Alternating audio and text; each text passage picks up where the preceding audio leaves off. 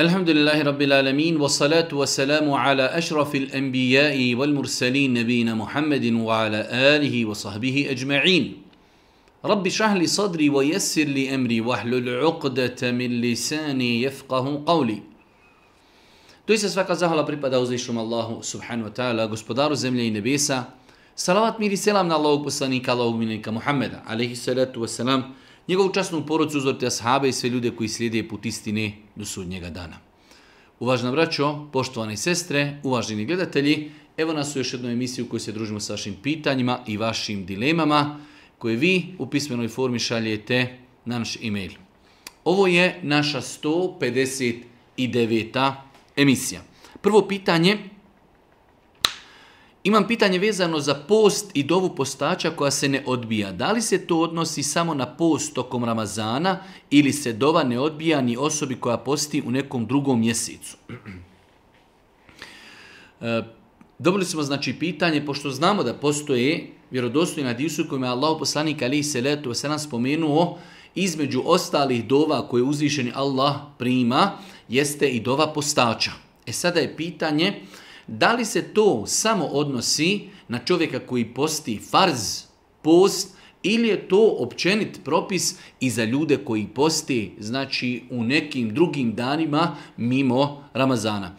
Ako pogledamo u te argumente koji govori e, o dovi koja se prima kod uzvišnog Allah subhanahu ta'ala za postača, nigdje nije spomenuto da se radi o postaču čovjeku koji posti farz, već je uvijek spomenut termin postač. Samim time odgovor je, ako Bog da, da dova postača koji e, posti farz, ali isto tako i ko posti na filu ponedjeljak, četvrtak, bijele dane ili bilo koju drugu na filu, ako Bog da nadati se da se njihove dove primaju. Ono što ostaje jeste da su islamski učenjaci e, imali različite stavove e, kada je vrijeme te dove koja se prima postaču je pošto je u vjerodostojnim hadisima došlo imu hine juftiru e, dova postača kada se iftari, a u jednom drugom rivajetu je došlo inne li saimi inde fitrihi doista postač prilikom ili kod iftara ima ima dovu koja se uslišava i koja nije odbijena, pa su kazali islamski učinjaci, jedan dio učinjaka je smatrao da je to dova pred sami iftar kada je čovjek cijeli dan u ibadetu, posti, kada je izmoren, jednostavno njegov hal, njegovo stanje je najbliži da tada njegova dova bude primljena. E, opet neki drugi učinjaci su shvatili da može ta dova biti i nakon iftara. Tako da insan koji posti treba da iskoristi vrijeme kada posti, da što više dovi uzvišom Allah subhanahu pogotovo pred sami iftar ili nakon iftara to su, hajde da kažemo, posebna vremena kada se očekuje da bi čovjeku njegove dove mogle biti primljene. Drugo pitanje, kakav je propis neženstva u islamu, da se osoba ne ženi? Generalno gledajući, Islam je vjera koja postići na brak. I mnogo je argumenata e, iz kojih možemo shvatiti da je brak pohvalan u islamu, uzimajući u obzir da čovjek putem braka ostvaruje mnoge koristi, čuva se od harama, obezbjeđuje sebi potomstvo i tako dalje. E, imamo vjerodostojne hadise u kojima Allah poslanik ali selam postiče omladinu, kaže o skupinu mladića kod vas može, neka se ženi. U drugom hadisu Allah poslanik kaže trojicu će Allah sigurno pomoći, imaju obećanje od Allaha da će Allah pomoći, pa je spomenuo jednu te tri osobe i onoga ko stupa u brak želeći da se sačuva. Tako da, s aspekta eh, Islama, e, brak je i pohvalna stvar. U vjerodostojnom Adisu, Boži poslanik Ali Sram je kazao brak je od moga sunneta. Znači, prijetodni poslanici i oni su se ženili. Muhammed Selam se je ženio i on kaže, to je moj sunnet. Ko odustane od tog mog sunneta, nama ne pripada.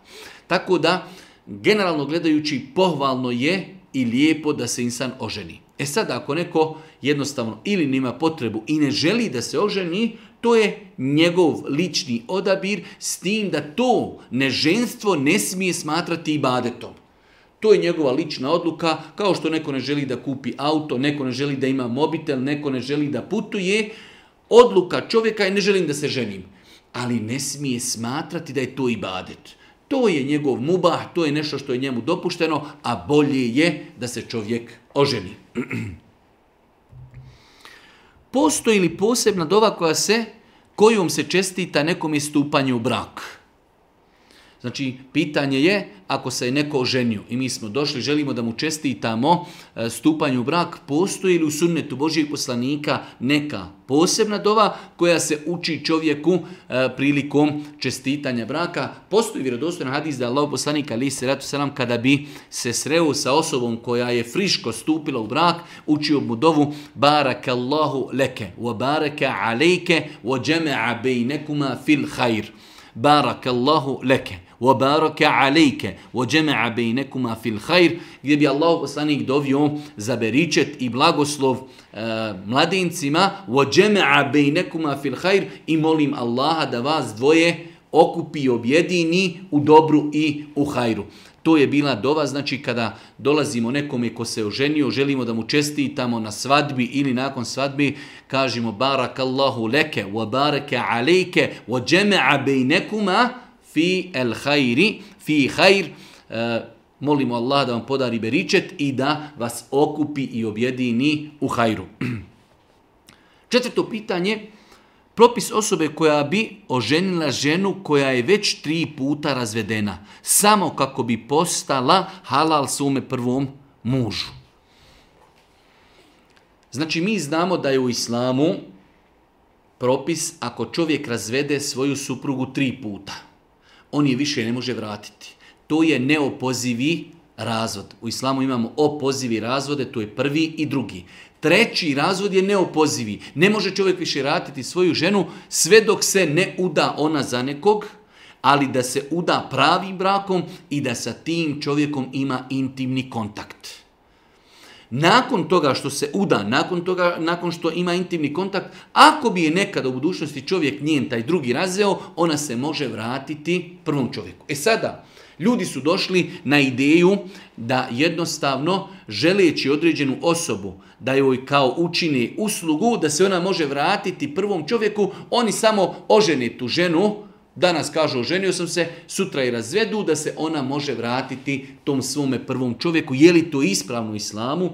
Prva stvar, e, da bi se žena mogla vratiti čovjeku mora da stupi u pravi brak u kojem je željela ostati. Druga stvar, mora imati intimni kontakt, kao što je došlo u hadisu Buhari i muslima, da je Allah poslanik e, ženi koja je imala takvu situaciju kazao ne, ne možeš se vratiti sve dok ti ne osjetiš njegovu tečnost i dok on ne osjeti tvoju tečnost. E, oni koji bi varali, pa bi doveli, znači oženili se sa tom ženom samo kako bi se ona mogla vratiti, Boži poslanik je takvi nazvao iznajmljeni jarac. Došlo je u vjerodostojnom hadisu da je Allah poslanik kazao, želite li da vas obavijestim ko je to iznajmljeni jarac? To je, kaže, onaj koji ženi ženu samo da bi se ona mogla vratiti svome prvom čovjeku kaže Allah je prokleo onog insana koji to čini. I onoga kome se to čini. Tako da je situacija mnogo opasna, ne smijemo se poigravati sa propisima. Znači žena koja je tri puta razvedena od čovjeka, ona se mora, da bi se vratila svome čovjeku prvom, treba da se uda, da ima intimni kontakt sa svojim drugim čovjekom i živi. Ako bi se nekad u budućnosti desilo da on nju razvede, ona se ponovo može vratiti prvom čovjeku, a haram je i zabranjeno. i vidimo da je to Boži poslanik strogo zabranju, da čovjek samo, evo želim da učinim uslugu tom njenom čovjeku ili njoj, evo ja ću je samo ženiti, sutra ću i razvesti, to je u islamu strogo zabranjeno. Kako islam gleda na pitanja kontracepciji i izbacivanja semena tokom intimnog kontakta izvan rodnici? Pitanje kontracepcije je poznato već bilo od vremena Božih poslanika, ali i salatu wasalam, ashabi su prenosili eh, da su oni, znači, prilikom intimnog kontakta, ne bi, znači, ejakulirali, znači, u rodnicu, već bi završavali eh, i eh, ejakulirali izvan, izvan rodnice, tako da ako postoji validan šerijatski razlog zato ako Bog da to nije sporno šerijatski, E, ono što je sporno jeste trajna kontracepcija, da bi da žena uradi e, podvezivanje jajnika ili da muž uradi određene poduhvate hiruški gdje će postati trajno, znači e, ne, postati trajna nemogućnost da imaju u budućnosti e, znači potomstvo, to je zabrajno. Ali privremeno da čovjek koristi prezervative, da koristi kondome, da, da jednostavno znači koristi dozvoljene dozvoljene načine i metode privremene kontracepcije, ako Bog da to je dozvoljeno, pogotovo rekli smo ako zatim postoji šerijatski validni razlozi.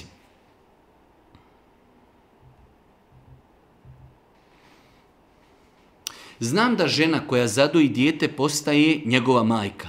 Ako je to dijete žensko, da li njen muž postaje njen otac po mlijeku?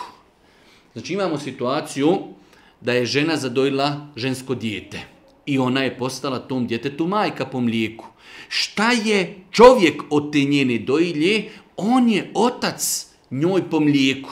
I samim time on je njoj mahrem, može sa njom putovati, može se sa njim osamljivati, znači može se sa njim rukovati, može sa njim pred njim biti bez hijjaba. Znači, ako je žena zadojila neko žensko dijete, pa i muško dijete, njen muž postaje tom djetetu otac po mlijeku, ona mu je postala majka po mlijeku, ali je on postao otac po mlijeku, a njihova djeca tom djetetu su postala braća i sestre po mlijeku. Tako da, znači kada se desi da žena zadoji, evo u ovom slučaju žensko dijete, njen muž postaje otac tom djetetu po mlijeku, samim time on je i mahrem tom djetetu, to djete pred njim može da ne nosi hijab, može znači da se sa njim e, rukuje, da putuje, da se osamljuje, da se osamljuje i tako dalje.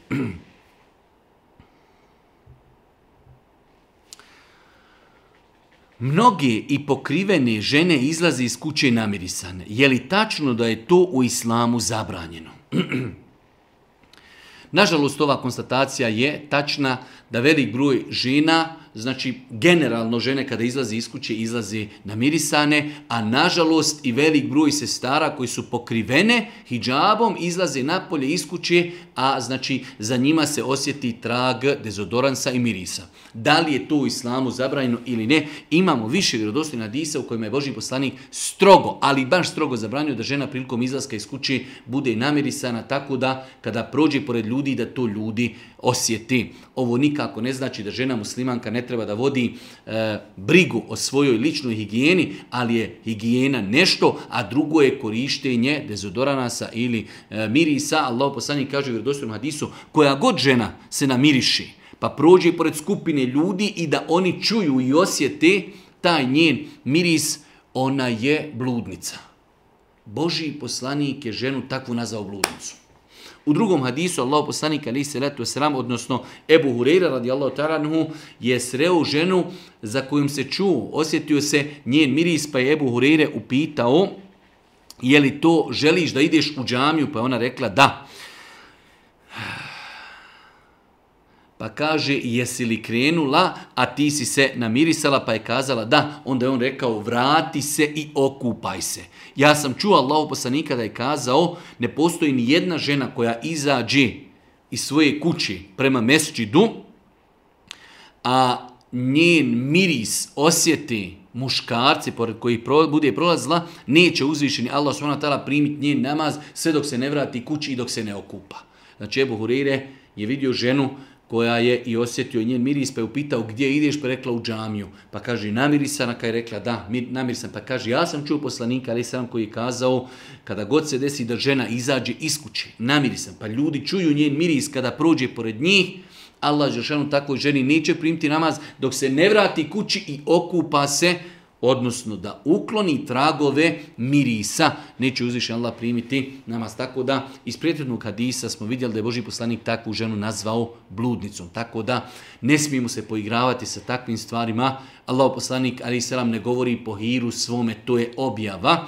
Znajući kakve E, štete mogu proizići iz toga, znači islam je te stvari srezao u korijen, tako da žene muslimanke, žene muslimanke prilikom izlaska iz kuće ne smiju i ne treba da koriste bilo kakav miris, to je strogo zabranjeno.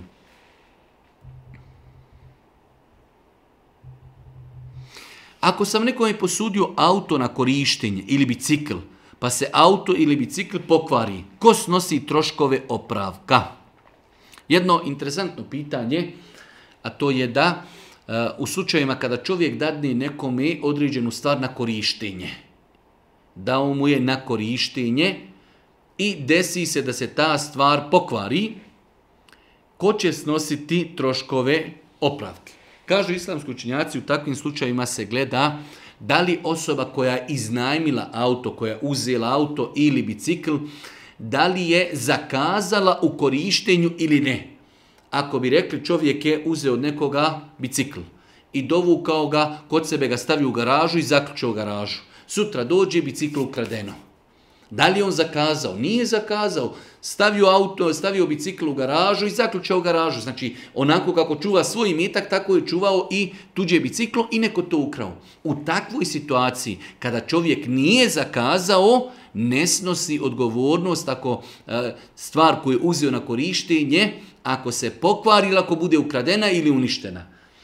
Za razliku, ako bi rekli čovjek je uzeo drugog čovjeka bicikl i ostavio ga pred kućom, nije ga zaključao, noć lopov došao, ukrao. Snosi odgovornost i snosi, znači da čovjeku nadomjesti vrijednost bicikla zato što je on zakazao.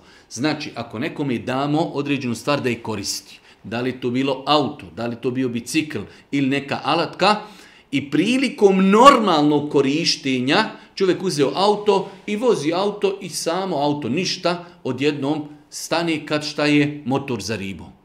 Mora li on to financirati? Ako se ispostavi da je on koristio normalnim korištenjem auto, Isto tako da je ga koristio njegov uh, e, gazda, ono bi se pokvarilo, u tom slučaju on nije kriv i neće snositi. Ali ako bi kazali da je koristio kako ne treba, da je, e, ne znam, nija vozio prebrzo, da je napravio sudar njegovom krivicom, da nije natočio goriva, da je pogrešno gorivo nasuo, da nije dodao vodu i tako dalje. Onog momenta kada čovjek pogriješi i kao plod te greške nastani, e, kvar, onda on to snosi. Ali ako je stvar koristio onako kako se koristi, nije napravio nikakav prekršaj i desi se da se stvar pokvari ili da je neko ukrade, njemu nije obaveza da namiri znači štetu osobi koja je vlasnik imetka. Obaveznik sam zekijata. Moje pitanje je da li mogu kroz zekijat smanjivati dugovanje jednom čovjeku umanjujući mu dugovanje za godišnji iznos mog zekijata. E, ovdje imaju sad pojašnjene cifre. Znači čovjek ima imetak na koji bi trebao da izdvoji zekijat. Ali isto tako ima dužnika koji njemu dužan. Može li on da njemu od, odbija od duga svoj zekijat? Islamski učinjaci su kazali da čovjek kada izdvaja zekijat iz svog imetka, mora izdvojiti imetak i dati ga siromahu, da siromah postane njegov vlasnik. Innama sadaqatu lil fuqara. Doista sadaka, zekijat, pripada kao vlasništvo bijedi sirotinji. Tako da ogromna većina islamskih učenjaka smatrala je da nije dozvoljeno odbiti dužniku dio duga na ime zekijata. Već mu mi trebamo svoj novac dati ako želimo njemu na ime znači zekijata. E sad, hoće li on nama to vratiti na ime dugovanja ili neće, ne smijemo mu to uvjetovati. Ako se bavim online trgovinom, mogu li prodavati proizvode koje ne posjedujem? Ja ih reklamiram, a kada neko naruči, ja ih kupim i njemu prodam, preprodam. Uz napomenu da na kupovnu cijenu dodam određen procent zaradi. E, u zadnje vrijeme je to više nego e, zastupljeno da ljudi jednostavno odlaze na određene web sajtove, gledaju interesantnu robu i onda kod sebe objavljuju da oni prodaju tu robu. U odnosu oni u osnovi nemaju te robe, niti imaju e, ingerencije zeleno svjetlo od vlasnika robe da oni to radi. E kada neko Eh, vidi kod njih tu robu, primjer radi ako su našli određenu eh, knjigu, 20 maraka, oni stavi kod sebe 25 maraka. Kada neko naruči tu knjigu, oni odu kupe 20 maraka i prodaju za 25 maraka. Je li to dozvoljeno? Eh, to se u islamu smatra prodaja onoga što čovjek ne posjeduje. U islamu je to strogo zabranjeno da čovjek prodaje ono što ne posjeduje. Tako da čovjek našao je negdje na internet neku robu, nije pitao vlasnika, nima sa njim veze, nije kupio, nije postao njim vlasnik. Samo je reklamira sa podignutom cijenom, ljudi kupi, on odi, tada kupi i njima preprodaje, to nije ispravno. Šta je ispravno? Ispravno je da kontaktira vlasnika robi, da mu kaže želim da budem ja neko ko će prodavati vašu robu uz određen procenat. Ili da mu kaže drugu opciju, ja ću vama slati mušterije, ali na svakoj mušteriji opet želim procenat. Svakako najbolja opcija je da čovjek kupi i postane vlasnik. Nakon toga da prodaje i nek zarađuje koliko želi. Postoji četvrta opcija, a to je obećanje. Da čovjek određen robu koju ne posjeduje, da kaže ljudima ja ovo ne posjedujem, samo reklamiram tuđu. Ali znači, obećajete li vi da ćete kod mene kupiti? Oni kažu mi obećajemo, onda on ode i kupi, znači i onda njima proda sa određenom, sa određenom zaradom. E, ovo su znači alternative za poslovanje da čovjek prodaje nešto što ne posjeduje. U islamu, u vjerodostojnim je došlo da je Boži poslanik kazao a, Hakim ibn Hizamu, la nemoj prodavati ono što nemaš, ono što nisi kupio, ono što nisi ti donio svojoj kući i ono čim, što ti nisi postao njegov vlasnik. Imam jaknu od svinske koži. Možete li mi kazati kakav je propis nošenja takve jakni? Kad su u pitanju životinje i štavljenje kože, možemo kazati nekoliko stvari. Prva stvar jeste da imamo e, korištenje kože životinje koja je zaklana i jestiva život, kao kravu. Imamo kravu ili ovcu i zaklali smo je i kožu. Tu kožu možemo koristiti da je neštavimo. Kao što je naš narod Birvaktile koristio kožice od kurbana na kojima su ljudi klanjali ili sjedili. Znači ako imamo jestivu životinju i zaklali smo je, tada je možemo koristiti njenu kožu bez da je uštavljavamo. Ona je e, čista. Imamo kožu od životinje koja je jestiva, ali je uginula. Primjera radi, ovca jednostavno e, uginula, razbolila se i krepala. Njenu kožu ako uštavimo zato što je jestiva životinja u osnovi, a jeste krepala, onda je uštavimo i njena koža postaje čista. Znači imamo dva slučaja jestive životinje. Treća vrsta životinja jesu nejestive životinje. Ono što je zabranjeno, svinja. Svinja i kada bi je zaklali i kada je ne bi zaklali, ona je u osnovi neđaset, nečista. Samim tim, po višljenju velikog broja islamskog činjaka, koža takvih životinja se ne može štavljenjem očistiti. Dio učenjaka je smatrao da se štavljenjem svinske kože i svinska koža e, znači e, postaje čista, ali definitivno e, bolje je to izbjegavati. Znači većina islamskih učenjaka smatrala je da svinska koža, jer je ona u osnovi nečista, ne može postati i preobraziti se, nije ona izgubila svoja svojstva. To je ta ista koža, znači štavljenjem ona nije izgubila svoja svojstva, to je ta koža, ona i dalje je nečista kao što je bila nečista i u toku života. Tako da, moj savjet je osobam koji imaju, e, da li su to cipele, da li su novčanici, da li su to jakne od svinske kože, da se toga kutarišu i da to baci. Prodajem određenu stvar, znam da ima znam da ima neke skrivene mahane. Je li mi obaveza da to spomenim kupcima? Kada je u pitanju trgovina, čovjek treba prema drugim ljudima da se obhodi onako kako bi volio da se ljudi obhode prema njemu. Zamislimo mi sutra kupujemo auto, jedva smo ušparali novac, pozajmili smo možda dio novca i kupujemo auto čovjeka. Taj čovjek zna da auto ima mahanu, ali nam nije kazao. Da li smo mi zadovoljni time? Normalno da nismo. Zašto nam nisi kazao da znamo hoćemo li kupiti ili nećemo i koliko će nas to koštati? Tako da vjernik bi trebao e, da se prema drugim ljudima prilikom kupoprodaje obhodi tako kako bi on volio da se drugi obhodi prema njemu. Pa ako mi kupujemo i volimo da nam ljudi ukažu na, maha, na mahane robe koju kupujemo, svakako da onda i mi trebamo drugim ljudima ukazati na mahane. E, prvo imamo hadise da je Boži poslanik Ali Seratu selam preporučio da volimo ljudima ono što volimo sebi. Druga stvar, Boži poslanik je preporučio da čovjek kada se bavi trgovinom, kada kažu jedni drugima u mahana, o mahanama robi, Allah će dati beričet u njihovoj kupoprodaji. A ako prekriju, šute, sakriju, nestaće, kaže Allah poslanik beričeta u samu tome. I treća je stvar, fikska stvar, da čovjek ako proda nešto sa mahanom za koju je znao, a mahana e, utiče na vrijednost cijene, čovjek koji kupi tu stvar nakon toga ima pravo da traži ili poništenje ugovora ili da traži revidiranje cijeni. Tako da znači insan vjernik kako se bavi kupoprodajom treba da ljudima, e, prema ljudima se obhodi iskreno, da im kaže ono što ima od mahana pri, robi, pa onaj ko želi da kupi bujrub, onaj ko ne želi, znači neka odustani, ali će Allah Đelšanu takvoj osobi podarti beričeta u njegovoj trgovini. Poštovani, da li mi možete pojasniti koji su propisi osobe koja ima muža, sina, zeta, brata, ali niko ne želi da ide na umru ili nahađ sa takvom osobom, ženom? Da li ona može ići sama?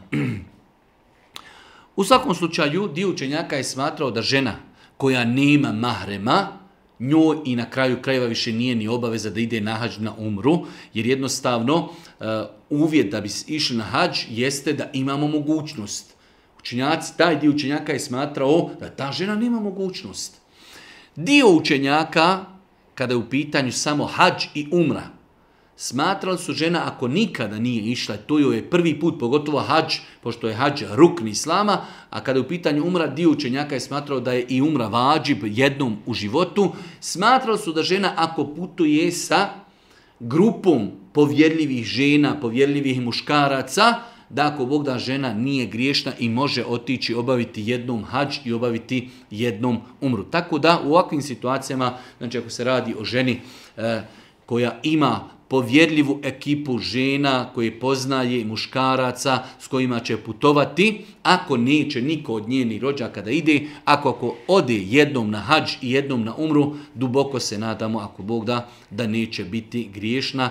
Jednostavno, s jedne strane smo imali E, argumente gdje se naređuje da se obavi hađ, da se obavi umra, niko od njenih nije tijelo da ide, znači putovala je u jednoj, e, da kažemo, skupini povjerljivih žena. Nadamo se, ako Bog da, e, da neće biti griješna, pogotovo u današnje vrijeme kada se putuje avionima, kada se putuje autobusima. Isto tako, sigurnosna situacija je znači na visokom nivou, tako da ako bi žena putovala u ovakvim uvjetima na hađi ili umru jednom da obavi, nadamo se da neće biti griješna. Bavim se lovom, možete li spomenuti najbitnije stvari vezane za lov životinja? kada je ulovljena životinja halal, a kada nije? Generalno gledajući u svim knjigama i hadijskim zbirkama, a i knjigama fikha prava, možemo naći poglavlje, poglavlje lova gdje su islamski učenjaci mnogo, mnogo e, propisa spomenuli e, koji bi trebao da poznaje čovjek koji se bavi lovom. Ono što je najbitnije znati jeste e, da bi meso određene životinje koja se lovi bilo halal, prva stvar treba da ga lovi musliman ili ehlul kitabija. Znači ili musliman ili židov ili kršćanin. Druga stvar da prilikom pucanja ili puštanja životinje koja lovi psa ili orla ili pucanja čovjek treba da izgovori bismilu. Bismillah može kazati Allahu ekber. Treća stvar, da lovi životinju koja je jestiva. Znači, ne može čovjek uloviti divlju svinju i to jesti, zato što je to zabrajeno. Znači, da bi meso bilo halal, treba da bude ulovljeno od strane kompetentni osobe, da bude musliman ili ehlul kitabija. Da se prilikom lova pucanja ili puštanja životinje ili puštanja orla, da se kaže bismillah, Allahu ekber, da životinja bude jestiva, znači da jednostavno da je islam šerija dozvolio jedinje te životinje, to nije medvjed, to nije vuk, da to nije, da to nije znači divlja svinja i tako dalje. I četvrta stvar koju treba znati jeste ako čovjek prilikom pucanja ili puštanje životinje, znači ako bi e, pucanj ubio životinju, to meso je ako Bog da halal. Ali ako bi čovjek došao i zatekao životinju još živu, obaveza mu je mora i nožem zaklati. Znači ako bi čovjek došao, ranio je životinju i dođe kod nje, e, ona još živa.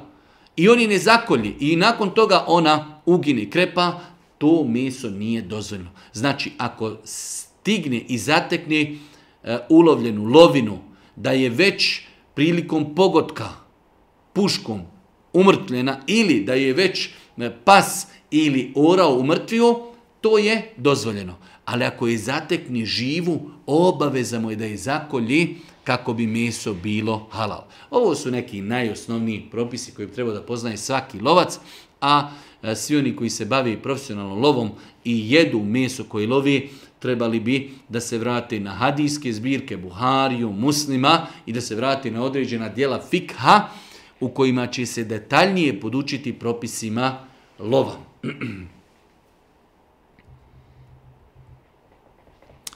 Htjela sam da vas pitam ako muž odluči da se oženi opet i sakrije to od prve žene i ne traži dozvolu od nje, da li mu je brak validan? Mi smo više puta govorili o propisima poligamije višeženstva. Generalno nikada niko od islamskih učenjaka nije dozvolio, nije uvjetovao e, validnost drugog braka sa glasnošću prve žene. Nikada niko kroz historiju čovječanstva nije to uvjetovao. Znači, e, na taj način taj propis bi definitivno, što bi rekao, bio derogiran. Koja bi to žena možda od hiljada, od sto hiljada jedna bi rekla čovjeku evo ja ti dozvoljavam. Generalno zbog ljubomori, apsolutno velika većina žena ne dozvoljava da njen čovjek se oženi. Tako da Islam nije postavio uvjet čovjeku za validnost drugog braka, saglasnost prve ženi.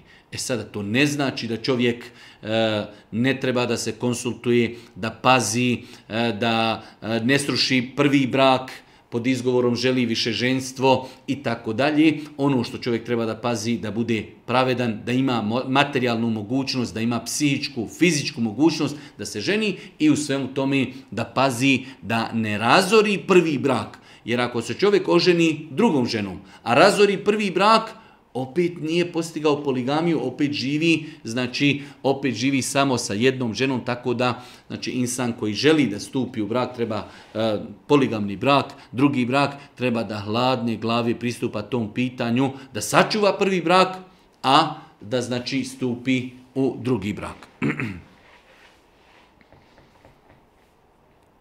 Ako prilikom klanja kravi u njenoj utrobi nađimo tele, je li meso Kravi je dozvoljeno jesti, a poseban propis je li dozvoljeno jesti meso teleta. E, pitanje, znači, desi se kada se kolju kurbani i ovca i za krave, da ljudi zakolju kravu i onda nakon toga nađu tele e, u utrobi kravi ili nađu janje u utrobi ovci. Prvo pitanje, da li je meso te krave ili te ovci halali dozvoljeno jesti? apsolutno dozvoljeno vjerodostojno hadisma Allahu poslanika ali se letu selam kada su ga pitali Allahu poslanice desi nam se da zakoljemo devu ili kravu i utrobi te znači životinje koju smo zaklali nađemo mladunče da li je dozvoljeno meso toga pa je Allahu poslanik ali se letu selam kazao jedite to je halal meso doista je kaže klanje te majke znači ti životinje ujedno i klanje tog teleta ili klanje tog janjeta. Tako da prva stvar, odgovor da li je dozvoljeno jesti meso životinji? Apsolutno da. E ostaje sada drugo pitanje, da li se može jesti meso teleta koje je nađen u utrobi? Kažu islamski učenjaci, ako je tele već bilo oživjelo.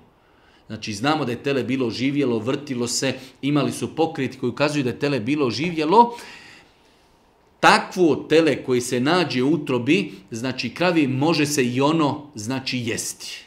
Iako jedan mali dio učenjaka smatrao da se takvo tele treba e, bez obzira znači zaklati kako bi istekla krv iz njega. Ovo pod uvjetom da tele e, ili janje izađe mrtvo. Ako bi se desilo da tele izađe živo i mi nećemo da hoćemo da ga jedimo, onda je obaveza da ga zakoljemo. Znači vratimo se na početak pitanja ako se kolje životinja i u njenom stomaku se nađe tele, ako je u pitanju krava, da li je njeno meso halal? Jeste.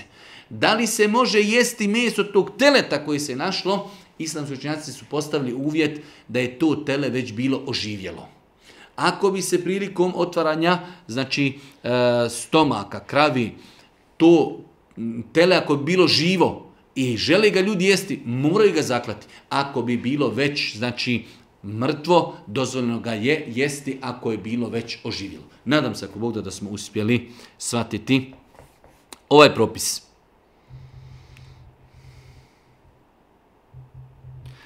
Da li je haram konzumirati vajp koji ima 0% nikotina? Imam veliku dilemu oko toga da li je to haram i ne, pa me zanima vaše mišljenje. Generalno, e, Znači, postoje ove sada nove cigare sa različitim aromama. Vajp za određene tvrde da su bez nikotina. Da li takve cigare u osnovi su zabranjene ili ne?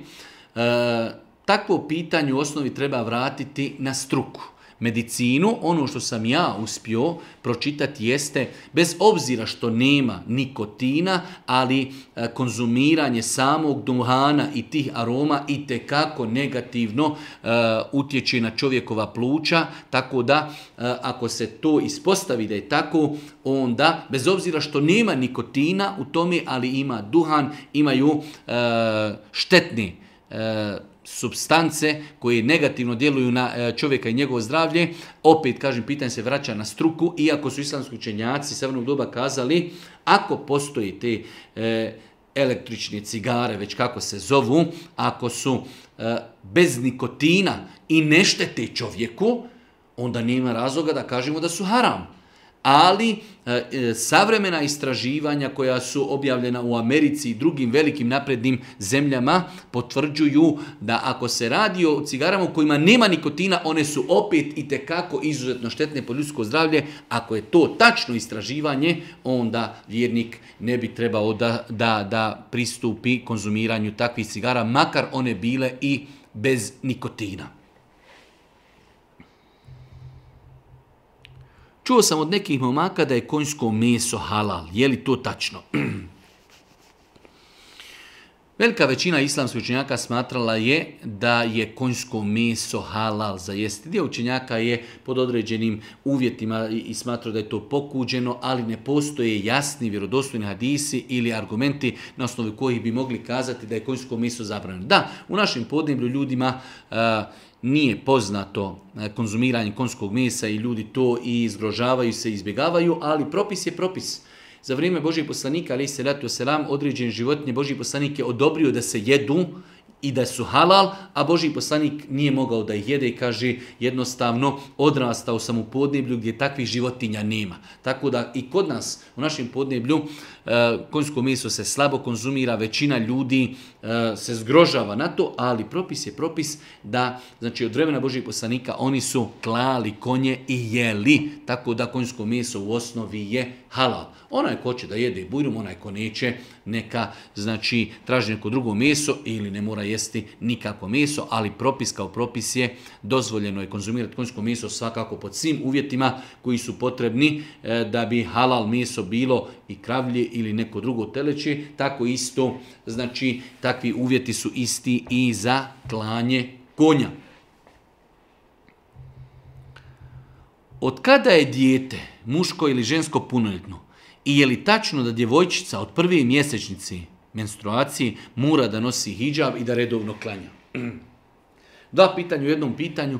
Od kada dijete postaje punoljetno? Velik broj ljudi smatra da dijete postaje punoljetno e, napunjavanjem 18 godina, što je totalno neispravno i greška.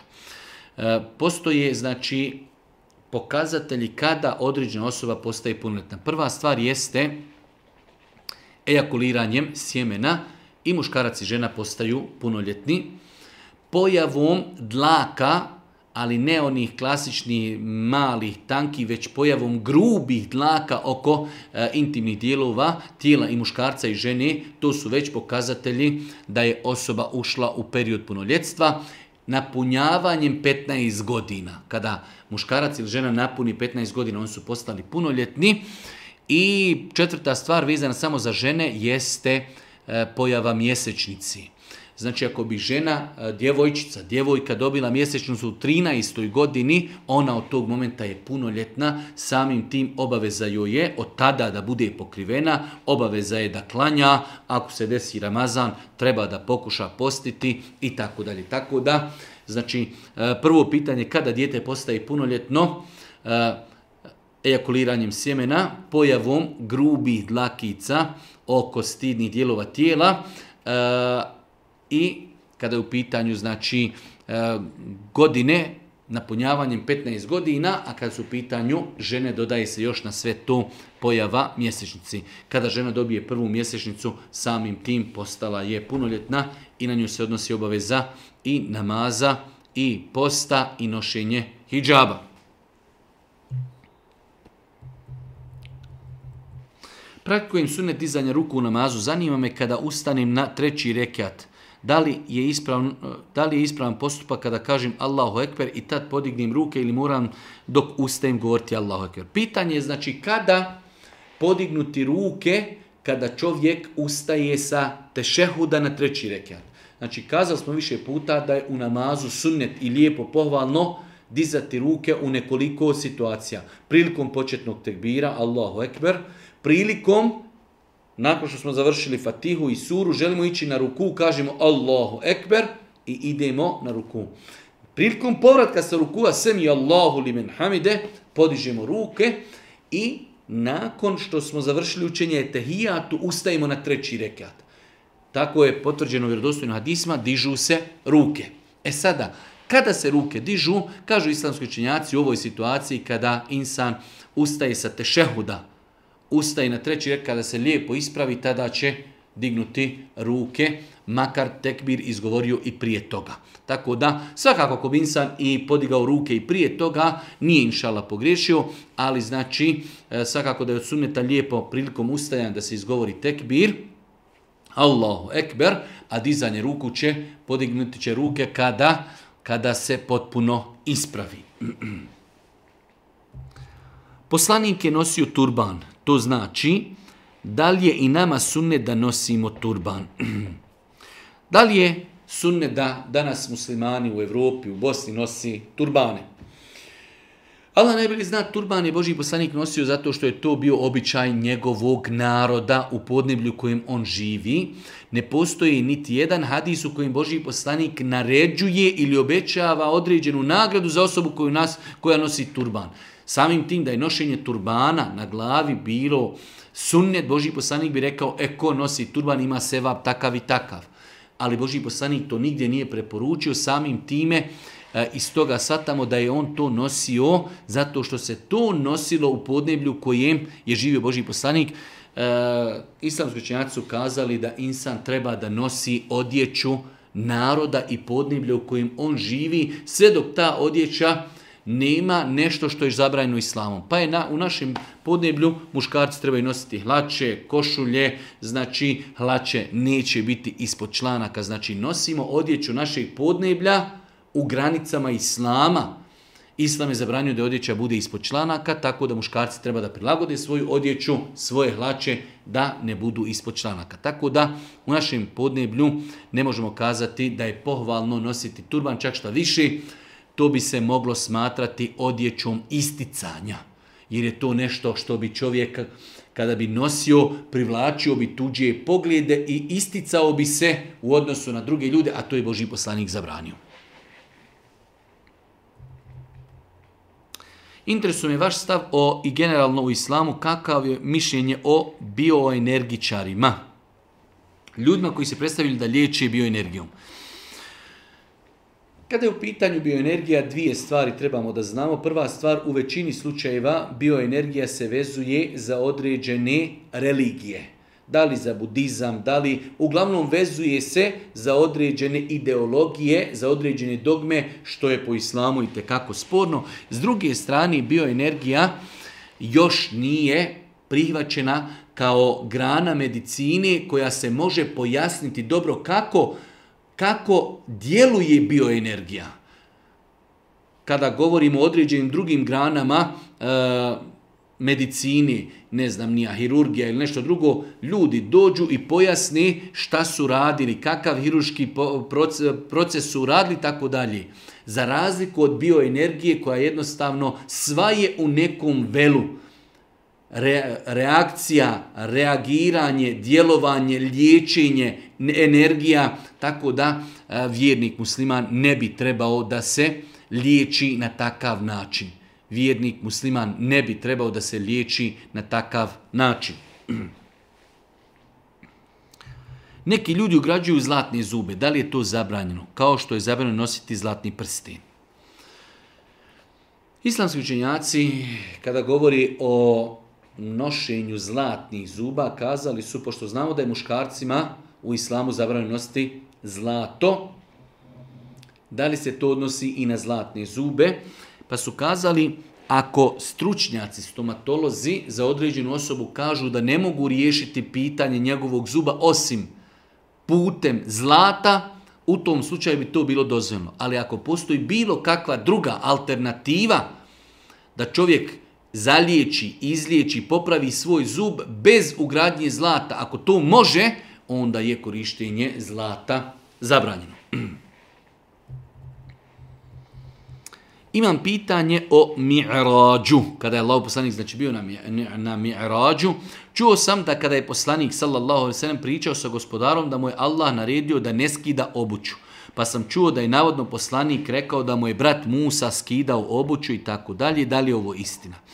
Hadis koji govori o tome da je Allah Đelšanuhu u razgovoru sa Božim poslanikom ali sam rekao da ne treba da skida obuću takvi hadisi nisu vjerodostojni i ne postoje u relevantnim izvorima hadijskih, znači eh, hadisa Božih poslanika ali se letu selam, tako da eh, nije tačna informacija ta eh, šta je se desilo na Mi'arađu, razgovor između poslanika i uzvišnog Allah možemo samo znati putem objavi. Boži poslanik ne govori po hiru svome, njegov sunnet je zabilježen u hadijskim zbirkama tvrditi da se desilo neki razgovor između Božeg poslanika i uzvišeno Allah Đelešanu, možemo samo ako imamo dokaz. Ne postoji vjerodostojan dokaz koji potvrđuje ovu činjenicu.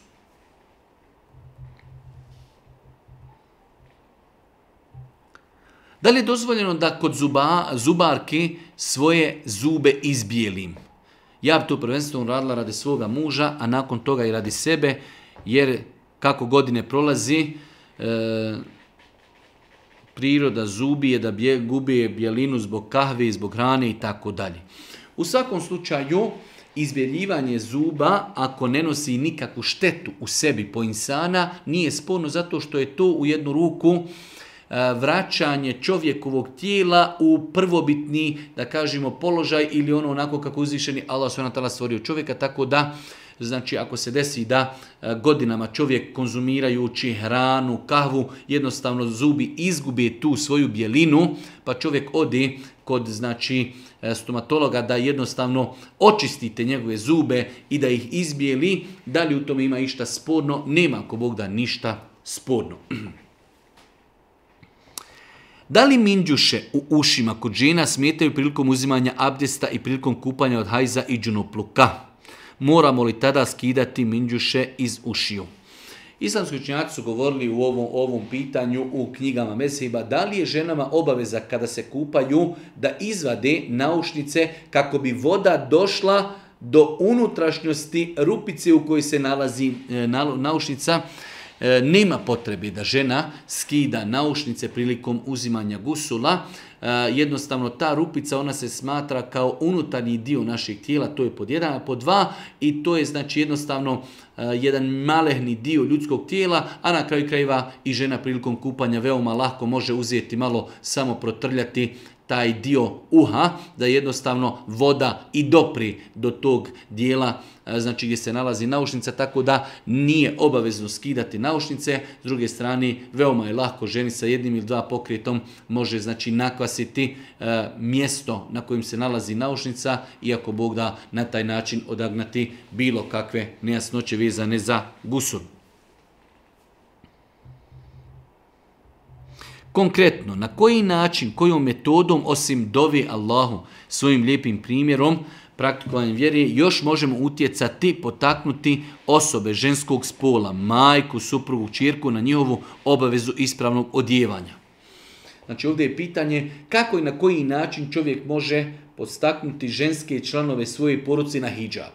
Ono što čovjek može jeste dijalog, jeste razgovor, jeste savjet, jeste poklon, jeste neka knjižica, jeste neka brošurica, jeste neko e, kvalitetno lijepo predavanje, pogotovo ako se radi o nekom predavanju neke žene koja je školovana, pismena, učena, e, elokventna, koja e, temi hijjaba pristupa na jedan lijep način, da se na taj način u srcu neke ženske osobe iz našeg znači naše rodbine da se pobudi i probudi želja za nošenjem hijjaba. To je ono što mi možemo, možemo savjetovati, možemo voditi dijalog, možemo dati neki poklon, kupiti mahramu, kupiti knjigu, e, poslati neki video link, preporučiti predavanje, druženje sa pokrivenim djevojkama, odlazak u škole Kur'ana, to su metodi i načine koje čovjek može preporučiti e, u ovoj situaciji kada neko želi da određenu osobu postakne na nošenje islamske odjeće.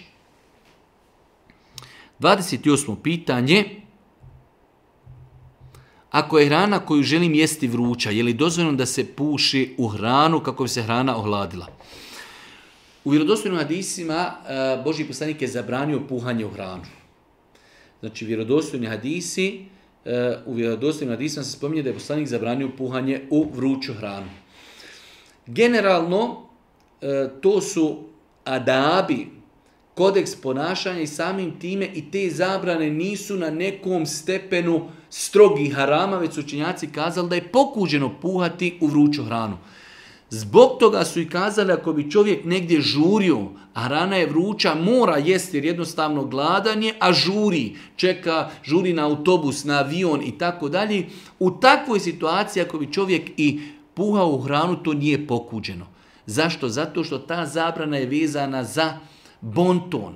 Zabrane za bonton nisu na stepen, stepenu strogih harama, već su to, da kažemo, pokuđene stvari. Rezime odgovora je pokuđeno je puhati u hranu, osim u slučaju ako bi čovjek bio gladan, imao potrebu za hranom, hrana vruća, a on žuri, mora tu hranu konzumirati. U takvoj situaciji ako bi čovjek i puhao, inšala nije griješan, ali ako ne žuri, onda treba sačekati se hrana ohladi. Kako se postavim prema mužu kojeg sam uhvatila da gleda pornografiju? Gledanje pornografije u islamu je strogo zabranjeno. E sada, kao što mnoge druge stvari žena primijeti kod čovjeka ili čovjek primijeti kod žene, ako smo primijetili kod supružnika nešto što je neispravno, šta ćemo osim doviti Allahu, voditi dijalog, savjetovati, kritikovati, to su, to su stvari koje su u našoj mogućnosti. U datom momentu, ako vidimo da čovjek ne prihvata, tražiti od nekih ljudi koji su autoriteti kod njega, da oni sa njim porazgovaraju, da ga oni posavjetuju. To je ono što može bilo koji supružnik uraditi kada primijeti da neki supružnik radi nešto što je zabrajno, može sa njim voditi lijepo dijalog, može ga savjetovati, može uputi Allahu Đelšanu dovu da ga Allah Đelšanu uputi, da ga sačuva i zaštiti od tog grijeha. Ako sve to ne, ne, ne bude znači, polučilo pozitivne rezultate, e, tražiti od nekoga koji je autoritet toj osobi da sa njim porazgovara, možda će od njega prihvatiti savjet. Čuo sam da je pohvalno nakon jela ruke oblizati prije nego što ih operimo. Je li to tačno? Ako je čovjek jeo e, hranu rukom, i na rukama su ostali tragovi hrani, masnoća ili mrve, onda je pohvalno i lijepo da čovjek prste prije nego što je ode i prati, poliži. Hadisi o tome su zabilježeni kod imama i Buhari i muslima, tako da znači e, možda je to nekim ljudima nepoznanica, ako smo rukama jeli hranu, Imate određene vrste hrane koji se jedu doista rukama, ne jedu se kašikom i ruke nakon toga budu masne, ima e, tragova hrane na, na rukama, onda je pohvalno i lijepo da se prsti koji su, na kojima ima tragova hrane, da se poližu zato je došlo u drugom hadisu koji nije kod Buhari i muslima da je poslanik rekao poližite prste zato što vi ne znate u kojem dijelu hrane je beričet. Možda baš u onoj mrvici koja je ostala na vašem prstu, nju kada pojedete, možda je u tome blagoslov beričet te hrane. Pa je znači pohvalno i lijepo da insan ako je jeo rukom, čovjek koji jede kaškom, njegova ruka je suha, nema šta više oblizati. Ali ako je jeo rukom direktno, bez kašike, i ruka se umastila i na ruci imaju tragovi hrane, onda je lijepo pohvalno čovjek poliži ruke nakon toga da ih operi. Znači imamo hadise o tome u Buhari i Muslimu, a imamo pojašnjenje da je poslanik rekao jer ne znate u kojem dijelu vaše hrane je beričet i blagoslov. Posljednje pitanje, 31. pitanje, da li je haram uzimati pare od državi ako nemamo potrebe za tim parama? U smislu, primanja, doplatka i slično tome gdje zakonski imaš pravo na taj novac, ali nisi u potrebi. Znači imamo situaciju kada čovjek zakonski ispunjava određenu, e, da kažemo, uvjete da bi dobio neku nadoknadu države. Primjer, radi čovjek jednostavno ima nadoknadu za djecu, a imućan je. Da li to što je imućan je razlog da ne uzima taj novac? Apsolutno ne bitno je da čovjek ispunjava uvjete koje država postavila da bi neko dobio taj novac. Čovjek može biti milionir i da dobiva pomoć od državi zbog svoje djeci. Država daje pomoć koja ima dvoje djece, troje djece, četvero djeci uz određene uvjete. Ako smo mi ispunili te uvjete, nema ništa sporno u tome da mi uzmemo taj novac, bez obzira koliko mi bili imućni ili ne. Ono što je bitno jeste da mi ispunjavamo uvjete koji postavi država ili neki drugi pojedinac ili neka druga institucija, organizacija koja daje određen novac ili pomoć uz određeni uvjete. Molim uzvišenog Allah subhanahu Wa da nas uh, na putu istine, da nam podari korisno znanje, da nam bude milostiv na sudnjim danima. Na kraju subhanaka Allahumma wa bihamdike, ešhedu in la ilaha illa anta wa atubu ilaik.